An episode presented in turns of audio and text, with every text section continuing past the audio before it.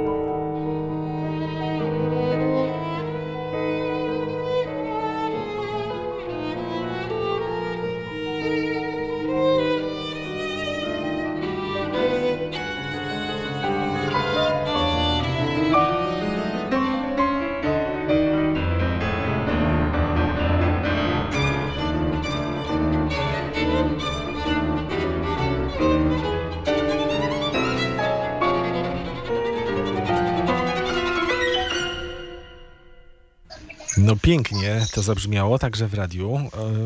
To jest muzyka współczesna. Co prawda to jest utwór z Młodzieńczy Pendereckiego, 1953 rok. No ten Penderecki musiał być na płycie, Marcin.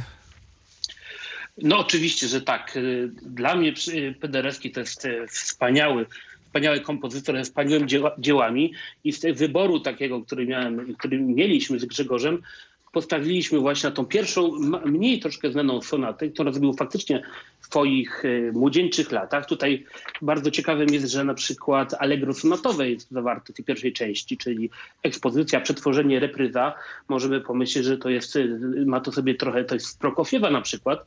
I patrząc później, 50 lat później, Penderecki pisze znowu utwór na skrzypce, który jest już inny w ogóle, nie da się go porównać, bo ko- całkowicie inne rozwiązania techniczne i muzyczne, więc myślę, że to jest bardzo ciekawe w tej naszej płycie, żeby sobie porównać, jak to się niesamowicie jego warsztat zmienia i jakie nowe pomysły Mhm. Ze strony Ja- pianisty również. y, Dodam tylko, generalnie ta płyta, y, ten cały program kształtował się tak pomału. Szukaliśmy y, czegoś, co byłoby spójne w tej płycie, oprócz tego, że udało nam się, że praktycznie wszystkie mamy włoskie nazewnictwa tytułów, co jest bardzo ciekawe, to potem wyniknęły różne konotacje, bo na przykład Penderecki okazuje się być nauczycielem, profesorem, przepraszam, pana Krzysztofa Mejera, znowu jeśli chodzi o warstwę skrzypcową i Penderecki i Lutosławski pis, pisali przecież zafascynowani Sophie Mutter, więc y, bardzo naprawdę z biegiem czasu y, odkrywaliśmy coraz więcej konotacji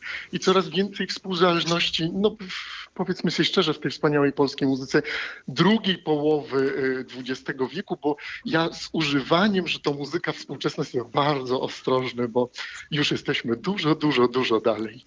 No tak, a propos tych koincydencji, to jeszcze Monika Pasiecznik, a może planu, e, zauważyła na, w eseju na płycie, że właściwie wszystko oprócz e, pani Grażyny Stokońskiej-Newratil e, się wiąże z e, cyfrą 3. A to zgadzam się, tak, również. To był plan? Nie, to był, to zdaje się, że był wielki przypadek, naprawdę. Bo mamy 53 rok, mamy również datę urodzenia, na przykład Krzysztof Penderecki 1933, potem kolejny utwór La Folia, tak? 2013. No i do tego jeszcze Capricente Rotto, opus 93, jeśli już dodać. No właśnie. Nie tylko do urodzin, ale jeśli w ogóle y, przyjąć cyfrę 3 jako tą wiodącą. A czy mieli panowie kontakt e, osobisty z Krzysztofem Pendereckim? No tu jest niestety bardzo przykra historia, bo prawie y, mieliśmy kontakt na, na samym końcu jego y, życia, ponieważ jako koncertmistrz y, Narodowego Forum Muzyki miałem razem z mistrzem Pedereckim, mieliśmy wykonywać siedem bram Jerozolimy. I no w środę mieliśmy już próbę jeszcze bez maestra. W czwartek wybuchła pandemia, kilka dni później niestety już profesor zmarł, więc o włos się y, spotkaliśmy w ta- tamtym czasie, ale oczywiście y, nieraz miałem przyjemność y, by grać w orkiestrze, kiedy dyrygował maestro. Mhm. I jakie to uczucie, Marcin? No niesamowite, że to była wtedy oczywiście żyjąca legenda. To on, on dyrygował zazwyczaj własne utwory, czasami na bieżąco poprawiał partyturę, żeby jeszcze coś bardziej pokazać. Wiem, że z biegiem jego życia chciał, żeby wszystko było głośniejsze, większe, żeby te różnice dynamiki były jeszcze bardziej znaczące. To, to, to była niesamowita praca i no, ba, bardzo żałuję, że już teraz już nie, mog, nie mogłem y, wysłać, nie mogliśmy wysłać i pokazać naszej płyty, jeszcze zapytać o kilka szczegółów y, mistrza. Mhm. Panie Grzegorzu, pan miał kontakt z Krzysztofem Ja jedynie współpracowałem z Europejskim Centrum. Mieliśmy przyjemność gdzieś spotkać się przy okazji jakiegoś koncertu, ale niestety nie wykonywałem niczego, ani kompozytora, ani przed kompozytorem. Jest mi niestety przykro, ale nie miałem takiej okazji jak Marcin.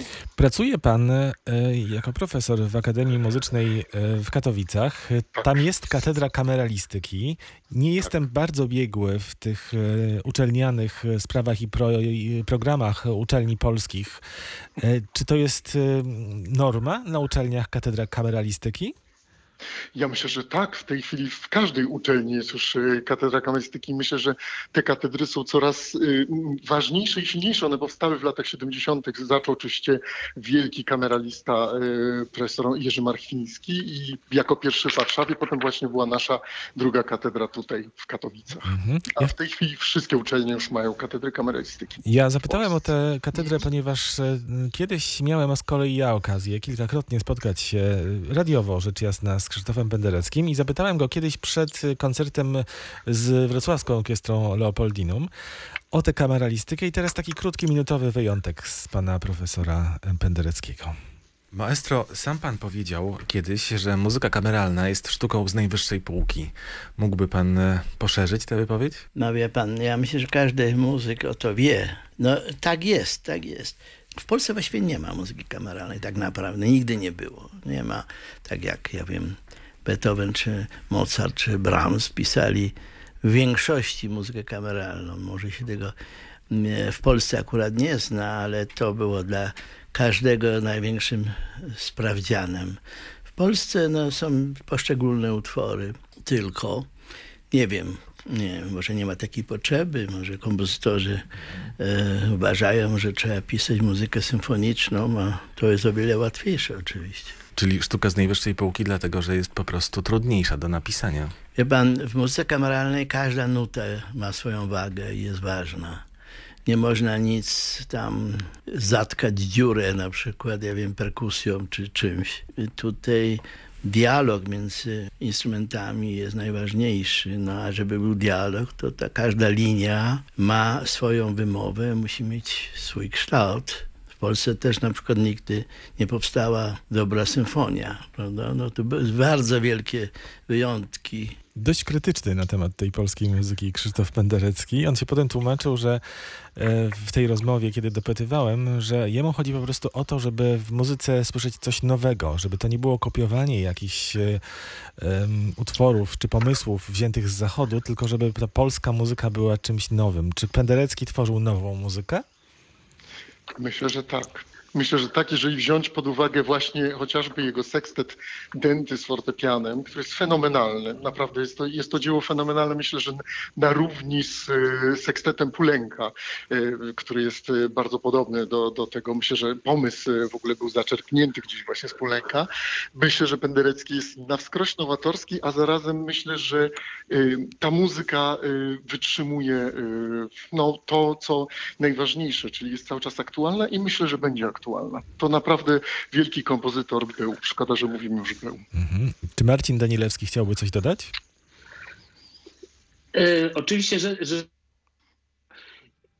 rozumiem o, o co chodziło y, mistrzowi, no ale tak jak wszyscy tu mówimy, kameralistyka cały czas się teraz rozwija, cały czas liczymy się, Mm. że następne utwory żyjących kompozytorów będą coraz wspanialsze. Na naszej płycie również chcieliśmy pokazać właśnie ten etap y, rozwijania się tej kameralistyki, dlatego właśnie wybraliśmy taką płytę. Mamy bardzo ciekawe utwory, na przykład Krzysztofa Mejera, którego uważam za mistrza kameralistyki, więc y, jak najbardziej się zgadzam, ale cały czas dążymy do jeszcze czegoś nowego i nie mogę się doczekać, co nam przyniesie jutro. Mhm. A teraz Lutosławski, za chwilę posłuchamy. Dla skrzypka i pianisty, jak ważny to kompozytor? E, Może pan Grzegorz? No ja myślę, że y, to jest y, pewna epoka f- fortepianu, to znaczy on umiał um, skorzystać z fortepianu, który był z jednej strony wyjątkowo skomplikowany, tak jak mamy to w Subito, a za moment pisał dziecięce piosenki czy wariacje na temat Paganiniego, które są no, przyjemne, przejrzyste, a zarazem fenomenalne. Naprawdę. U was na płycie znajduje się Subito. Tak. Marcin. Tak, Subito, y, tak, no to jest y, wspaniały utwór nagrywany, grywany przez studentów, wielkich mistrzów na całym, na całym świecie. To jest, y, Lutosławski moim zdaniem miał niesamowitą, niesamowitą możliwość y, pisania bardzo trudnych rzeczy, które potem przy dobrym graniu wydają się bardzo proste i czasami nawet y, i dziecinne. To, jest, wszystko- to był jego geniusz. Tak samo no, na skrzypce łańcuch y, mamy wielką partitę. No i właśnie Subito, utwór y, współczesny, który po prostu moim zdaniem może dotrzeć do każdego i, i wielu się może spodobać. No to posłuchajmy. Mam nadzieję, że do Państwa również dotrze. No, w takim wykonaniu musi dotrzeć Grzegorz Biegas, Marcin Danielewski i Lutosławski w Radiu Wrocław Kultura.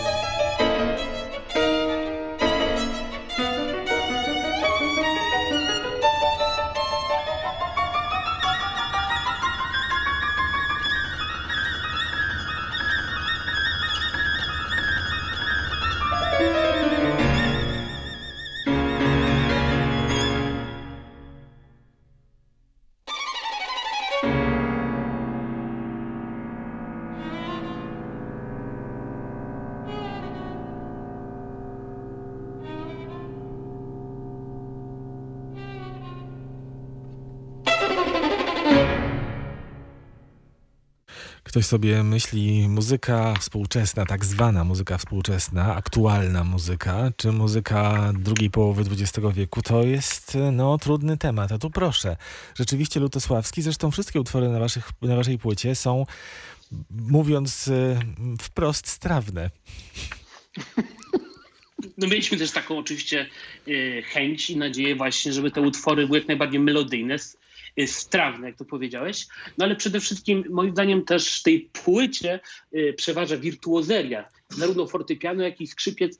I myślę, że to był też jeden z kluczy, którym, którym właśnie się kierowaliśmy, bo wszystkie, wszystkie utwory, które udało nam się nagrać są niebywale y, wirtuozeryjne, są bardzo szybkie, są szybkie przebiegi palców i mam nadzieję, że to się spodoba wszystkim, którzy będą mieli ochotę posłuchać naszej płyty. Rzeczywiście, wirtuozerię to słychać. Zresztą no, obaj jesteście doświadczonymi muzykami, wirtuozami swoich instrumentów. Ja pytałem tego Lucławskiego dla skrzypka i pianisty. No koncertu skrzypcowego nie napisał, natomiast fortepianowy pomysł był wczesny, a w końcu mm. udało się go skomponować dopiero pod koniec życia Lutosławskiemu. No są utwory kameralne, rzecz jasna. Pan Grzegorz zresztą z panią Ewą biega z e, pieśni też, prawda, Lutosławskiego. Tak, nie, miałem przyjemność. Zresztą ostatnio y, muszę powiedzieć jako ciekawostkę, że odbył się konkurs Szymanowskiego, y, pierwszy konkurs taki duży, y, organizowany przez NOSP i nasze uczelnie. I właśnie w pierwszym etapie były obowiązkowe dwie pieśni Lutosowskiego i muszę powiedzieć, że były to, zdaje się, najtrudniejsze punkty programu w całym konkursie, bo jednak te pieśni wymagają, e, no, zawsze dzielę wokalistów na muzyków i śpiewaków i wymagają jednak e, w tym przypadku wytrawnych muzyków. No a co do Lutos, Lutosławskiego e, samego, to myślę, że wracając jeszcze do tej płyty, wszystkie te utwory mają też coś witalnego i energetycznego, co, co bardzo jest scala, naprawdę. Tak, tak jest moje odczucie przy, przy przy przygotowywaniu całej tej płyty. A nagrywaliście, to były trzy dni. Jaki, w jakim rytmie? Dużo było powtórek, czy, czy po prostu tak byliście przygotowani, że to zabrzmiało od razu prawie tak jak na tej płycie? Warto też zaznaczyć, zrealizowanej przez Ewę Lasocką. Ja myślę, że tutaj y, nie wiem, czy będziemy odsłaniać Marcin kuchnię całą, co było najtrudniejsze, co było łatwiejsze, ale y, może jest to właśnie moment, żeby przede wszystkim podziękować pani Ewie Lasockiej, która była i stróżem, i aniołem, w sumie aniołem stróżem całego nagrania i naprawdę bardzo, bardzo nam w tym wszystkim pomogła. Marcin? Y, no ja tylko mogę potwierdzić to, co mówi Grzegorz. Gdyby nie Ewa, to nie wiem, czy byśmy tak, udało nam się tak, tak ładnie nagrać tą płytę. Potem miałem, dostałem również zaproszenie do Warszawy, gdzie w Filharmonii Narodowej montowaliśmy jeszcze, jeszcze poszczególne miejsca, żeby jeszcze troszkę dodać czasami kolorytu na przykład y, lub małe błędy wykluczyć. Naprawdę wspaniała praca i super profesjonalna osoba, więc tylko możemy polecić. Oczywiście staraliśmy się być bardzo dobrze przygotowani. Była mhm. pandemia, więc nie mieliśmy wymówek, siedzieliśmy w domach i ćwiczyliśmy, ale oczywiście nagranie takiej płyty z tak trudnymi utworami wiąże się z tym, że musieliśmy różne części powtarzać czasami wielokrotnie, a czasami niektóre y, poszczególne utwory lub ich cząstki udało się nagrać na przykład raz czy dwa i już było bardzo dobrze. Mhm. Naszym zdaniem oczywiście.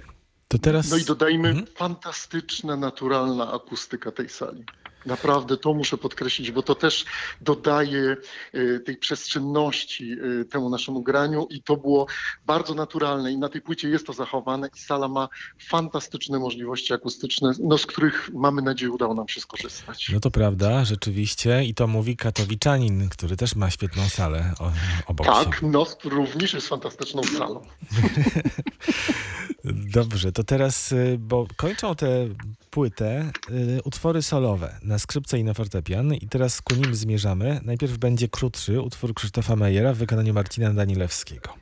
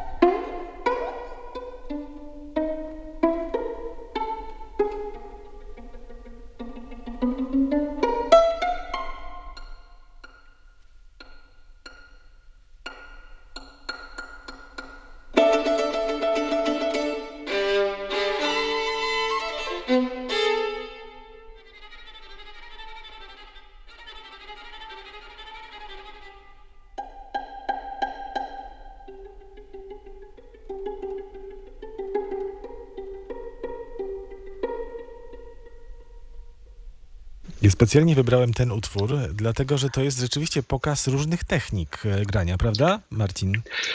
No tak, świetnie, świetnie to wybrałeś.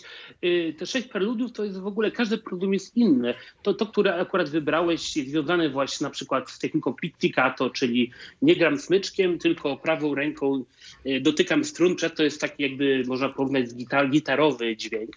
Chwilę później ten gitarowy dźwięk bardzo podobnie prze, przekształca się w sul ponticello, czyli gram smyczkiem już y, tak bardzo wysoko na strunach. To są, to są takie właśnie małe różnice, które powodują, że te, ten koloryt, że te barwy różne cały czas się zmieniają i mam nadzieję, że to jest też dla słuchaczy bardzo ciekawe, bo dla mnie na przykład bardzo jest. Rozmawiałem z, z Krzysztofem Mejerem właśnie o tym utworze. Powiedział, że dzisiaj już by takiego utworu nie napisał. To jest y, wcześniejszy utwór, teraz ma już na przykład y, inne pasje, inne próbuje y, barwy y, barwy pokazać w swoich utworach. Jed- Jednak y, te sześć preludiów są, są też dla niego bardzo ważne. Każde preludium zawiera inne, inne techniczne problemy. Wirtuozeria jest też bardzo różnie za każdym razem y, pokazywana, a na przykład w trakcie utworu jest chwila, gdzie nie ma żadnej wirtuozerii, tylko są bardzo długie dźwięki non-vibrato, czyli dźwięk nie jest niezawibrowany i to też zmienia cały czas to napięcie, ten nastrój. Mi się wydaje, że to jest to, to najpiękniejsze w tym utworze. Właśnie te zmiany nastroju. Umawialiśmy się na trudne pytania wyłącznie. To teraz ja chciałbym ciebie, ciebie Marcin, zapytać, Do Grzesia, do Grzegorza. ale to o skrzypce właśnie chcę zapytać, ponieważ A. takie prowokacyjne pytanie przyszło mi do głowy. Bo grasz na skrzypcach z 1800 roku, a gdyby ktoś powiedział, no ale grasz muzykę współ, tak zwaną współczesną, czy muzykę z, z tych lat y, z XX czy XXI wieku, czy tu nie ma niespójności? No to jest bardzo takie pytanie trudne, ale od razu powiem, że nie, nie ma, ponieważ moje skrzypce z 1800 roku Galliano są jak najbardziej współczesne pod względem, że właśnie tych już, już 50 lat y, wcześniej instrument, y, czyli skrzypce y, został, zostaje skonstruowany, budowany tak jak jest y, teraz y, dzisiaj. I y, stare skrzypce to tylko powodują, że barwa jest może nieco głębsza, nieco, nieco, nieco głośniejsza, ale myślę, że do tych utworów znakomicie pasują właśnie takie stare włoskie skrzypce z Neapolu. Mhm.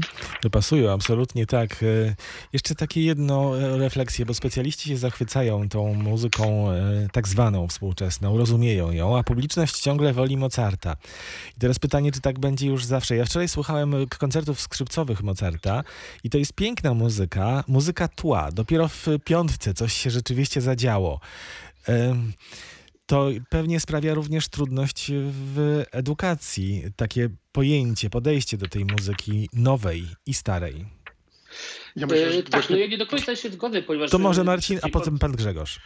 Oczywiście. E, Wszystkie koncerty skrzypcowe są e, moim zdaniem niesamowite i czego słuchacze często nie wiedzą, są piekielnie trudne do zagrania, ponieważ e, u Mozarta ta faktura, która jest tak przejrzysta, niesamowicie słyszalna, powoduje to, że najmniejsze omsknięcie palca już powoduje wrażenie e, niespójności i brzy- brzydkiego, brzydkiego koncertu, brzydkich nut. Bardzo trudno się gra Mozarta, a my dążymy do tego, tak mi się przynajmniej wydaje, że właśnie muzykę współczesną, żeby grać bardzo prosto, tak, y, tak żeby człowiek, który posłucha tej muzyki właśnie, nie myślał, że to jest zagmatwane, bardzo skomplikowane, że faktura jest niebywale trudna, żeby czuł ten pewien rodzaj spokój i żeby ta, żeby ta melodia skrzypiec, melodia fortepianu była dla niego zrozumiała i wydaje mi się, że razem z Grzegorzem staraliśmy się, żeby tak to wyszło. Pan Grzegorz. Ja myślę, że y, z muzyką współczesną od ponad 100 lat jest właśnie tak, że y, no, możemy wrócić do Strawińskiego i do skandalu, jakie wywołał Świętowiosnę. W tej chwili Świętowiosną uznawane jest no, za klasyczny utwór, przepraszam, że użyję takiego określenia. W związku z tym myślę, że my dorośniemy, ale co jest bardzo ciekawe, że ta muzyka współczesna, gdyby, ja to często uświadamiam między innymi studentom, że tak naprawdę filmy, które oglądamy, to wszystko, co jest w tej chwili, muzyka jest wszędzie podkładana, bo muzyka jest emocjami, prawda? I film bez muzyki byłby kompletnie wykastrowany. Ale tam, y, bo między innymi, prawda, i Penderecki pisał y, do, fenomenalną muzykę do świetnego horroru, horroru Lśnienie. Kilar pisał taką muzykę. Ona jest bardzo różna oczywiście Pendereckiego i Kilara, ale tak naprawdę ludzie sobie nie uświadamiają, że oglądając ten horror, słysząc różnego rodzaju, przepraszam, zgrzyty, że to tak określę, to jest właśnie ta współczesna muzyka. Więc myślę, że dorośniemy od Bacha było już tak, że nie do końca y, kompozytorzy zawsze byli tym, y, tymi geniuszami, którzy nas wyprzedzali. Zawsze to po, y, powtarzam, że to co najpiękniejsze mogło nas spotkać w życiu właśnie muzyków, że mamy cały czas do czynienia z ludzkim geniuszem, a nie z czymś takim najgorszym, prawda? Przepraszam, że to tak zwerbalizowałem i ująłem. A kto wybrał na płytę utwór Grażyny Pstrokońskiej Nawratil? Ja. Tutaj zdecydowanie odpowiem, ponieważ bardzo, bardzo chcieliśmy, żeby był e, wrocławski kompozytor. Marcin właśnie zaproponował, że, że, żebym się rozejrzał i właśnie tak e, znalazłem tenże utwór wydany przez PWN w latach 70. Mm, Muszę powiedzieć, że e, utwór jest naprawdę mm, wyjątkowy. Wyjątkowy pod każdym względem, bo mm, cały ten proces mojego uczenia się tego utworu to było zmaganie się z materią, niestety zmaganie się z materią do momentu rozmowy właśnie z y, kompozytorką, która jednym zdaniem y, ułatwiła mi całą interpretację tego utworu, bo powiedziała mi, kiedy utwór powstał i co tak naprawdę, y, co się zadziało w jej życiu w tym momencie. W związku z tym ułatwiła mi pracę. Zresztą to jest coś fantastycznego, y, jeżeli mielibyśmy, moglibyśmy y, zapytać kompozytorów o te idee ich utworów, bo często spłycamy to i niestety brak nam pokory. Nam, wykonawcom, brak tej y, pokory w stosunku do tego zapisanego tekstu, który jest zawsze jakąś ideą. No tak, tylko jest pewien tutaj czasem problem, bo ja też pytam czasem kompozytorów i jedni mówią o matematyce, a po prostu te, takie dźwięki, takie mają koncepcję, właśnie taką wziętą troszkę z jakiegoś wzoru matematycznego. A w przypadku pani Grażyny Pstrakońskiej-Nawratil, to jest to, czego ja szukam w muzyce, jako no, muzyczny, powiedzmy, miłośnik, ale laik, bo niewykształcony. Czyli y, czegoś, co mógłbym sobie wyobrazić, słuchając te, tej muzyki. Bo pani Grażyna rzeczywiście bierze inspirację ze świata, z natury bardzo często. Tak, i z tego co dowiedziałem się, to utwór y, La Fetrata powstał y, podczas wyjazdu nad morze, podczas ulewnego deszczu, który zmieniał swój charakter z ulewnego na mniejszy, potem na większy i nagle ten cały utwór, te wszystkie przebiegi stały się naprawdę zupełnie czymś innym, tak czytelnym i tak wyrazistym dla mnie. Mam nadzieję, że udało mi się to przekazać, że y, ta materia muzyczna, która często, y, jak mówi Ives, nie, nie, nie uważajcie na dźwięki, bo możecie nie zauważyć muzyki, właśnie w tym przypadku no, dała efekt takiego fantastycznego utworu, który jest no, czymś, no, pewnego rodzaju naśladownictwem, pewnego rodzaju malarstwem muzycznym dla mnie. O tak, malarstwo muzyczne to świetne, e, świetna fraza, która oddaje charakter tego utworu. Za chwilę fragment właśnie tej, tego dzieła. Marcin, ja chciałbym cię jeszcze zapytać o jedną rzecz, bo ta płyta jest również takim trochę balansem w twojej działalności muzycznej, bo nie stronisz od tak zwanej troszkę lżejszej muzy. West Side Sinfonietta, może jeszcze bardziej e, ta orkiestra, którą w Szwajcarii współpracujesz, czyli Kamerata Pontresina. Yy, tak. Yy mój jeden z moich profesorów, y, profesor Krzysztof Jakowicz, powiedział, że w dzisiejszych czasach skrzypek czy muzyk y, y, powinien potrafić zagrać wszystko. I wziąłem sobie bardzo te słowa do serca i uważam, że, że faktycznie warto na różnych polach. Muzyka jest tak niesamowita, tak, tak przepiękna i ma tyle kolorytu, że warto we wszystkich różnych miejscach gracie różną muzykę i szukać melomanów, bo kto jest melomanem, to nie jest ten, kto tylko słucha na przykład ty, tylko Mozarta, z którą gram West Side Symfonietta lub jak jestem koncertmistrzem Narodowym Forum Muzyki, gramy malery, duże symfonie. Myślę, że każdy, to jest ważne, żeby każdy znalazł coś dla ciebie i z, z tego właśnie wychodzimy, a wierzę, że, ma, że znajdzie się też wielu y, miłośników muzyki współczesnej i dlatego też y, w związku z tym nagraliśmy tę płytę i mieliśmy bardzo dużo y, frajdy nagrywając takie rzeczy i zobaczymy, co przyniesie czas, na jaki pomysł teraz wpadniemy. No, ja sobie ostry apetyt, bo to spotkanie nam się, wam się naprawdę świetnie udało, nam zresztą mam wrażenie też. Więc, więc pewnie gdzieś tam może już kiełkować kolejny pomysł na kolejny album. A jak tam z koncertami? No w końcu się zaczęło. Od 12 lutego, jak pewnie już wszyscy wiemy, filharmonie, opery, teatry zostają otwarte, więc od razu zareklamuję Narodowe Forum Muzyki. 12, 12 y, lutego zagra y, Mateusz Feliński pierwszy koncert właśnie Mozarta na róg oraz y, zagramy z całą orkiestrą ósmą symfonię Beethovena, a już kilka dni później, bo 7, 7 marca West Side Symfonietta w końcu zaczyna znowu grać. I tutaj przejdziemy do kompletnie innego programu, zagramy Piazzole, zagramy Ennio Morricone na przykład i zachęcam wszystkich, żeby przyszli. Z tego co wiem, bilety się świetnie wyprzedają teraz. Wszyscy są złaknieni muzyki, więc proszę jak najszybciej rezerwować bilety. No proszę. Panie Grzegorzu, jak tam u, pana z koncertami? Mam, nadzieję, że też doczekamy się waszego y, duetu w Narodowym Forum Muzyki. My również mamy taką nadzieję. Muszę powiedzieć, że ja bardzo się też będę cieszył z otwarcia. Teraz y, za chwilę gram gdzieś właśnie Quintet Fore w Lublinie. Również zapraszam i, i Karnawał Zwierząt Sensansa, ale y, muszę dodać, że po tym pół roku nagrywania naprawdę y, chyba mamy dosyć, bo w życiu y, ja osobiście nie nagrałem tylu rzeczy od marca zeszłego roku, czy nawet dopiero od maja, czerwca właśnie to wszystko ruszyło.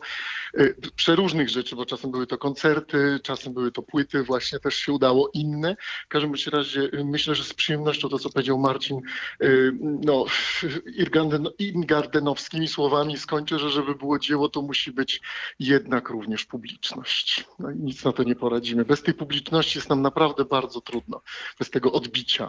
Y, Także czekamy i zapraszamy bardzo serdecznie. No i proszę pamiętać o płycie Muzyka Libera. A skąd ten tytuł? Bo y, to jest y, no, zależnie od tego, jak to tłumaczymy. Muzyka wolna, muzyka darmowa, muzyka uwalniająca. Myślę, że muzyka uwalniająca właśnie to będzie świetne skojarzenie. Oczywiście język włoski jest związany z tym, że te utwory w większości, które nagraliśmy są i, i części są właśnie po włosku, więc wydawało nam się, że to będzie najlepszym jednak pomysłem, że w takim języku, to czyli międzynarodowym również, żeby to nagrać, a z, z, z nazwą mu- Muzyka Libera to jest bardzo y, dziwna historia, ponieważ tam w Szwajcarii, gdzie też prowadzę orkiestrę Camerata Ponterfina, mamy taką wielką bibliotekę złożoną z 30 tysięcy pozycji i ta biblioteka nazywa się Muzyka Libera i jakoś tak mnie tknęło, że być może ta nazwa, nie wi- nie wiedziałem dlaczego pasowałaby właśnie do tej płyty i przyjęło się, wielu ludzi, wieloma ludźmi rozmawialiśmy na temat tej nazwy i większość wybrała właśnie ten tytuł. Bardzo państw, panom dziękuję za dzisiejszą rozmowę. My Dziękujemy. bardzo dziękujemy. Grzegorz. Biegas, Marcin Danilewski, czyli Katowice i Wrocław. A teraz Grażyna Pstrokońska-Nawratil w wykonaniu pana Grzegorza La Fetrata. Tak nazywa się ten utwór. Dobrze wymawiam, panie Grzegorzu? Tak, tak. To posłuchajmy we fragmencie dość sporym.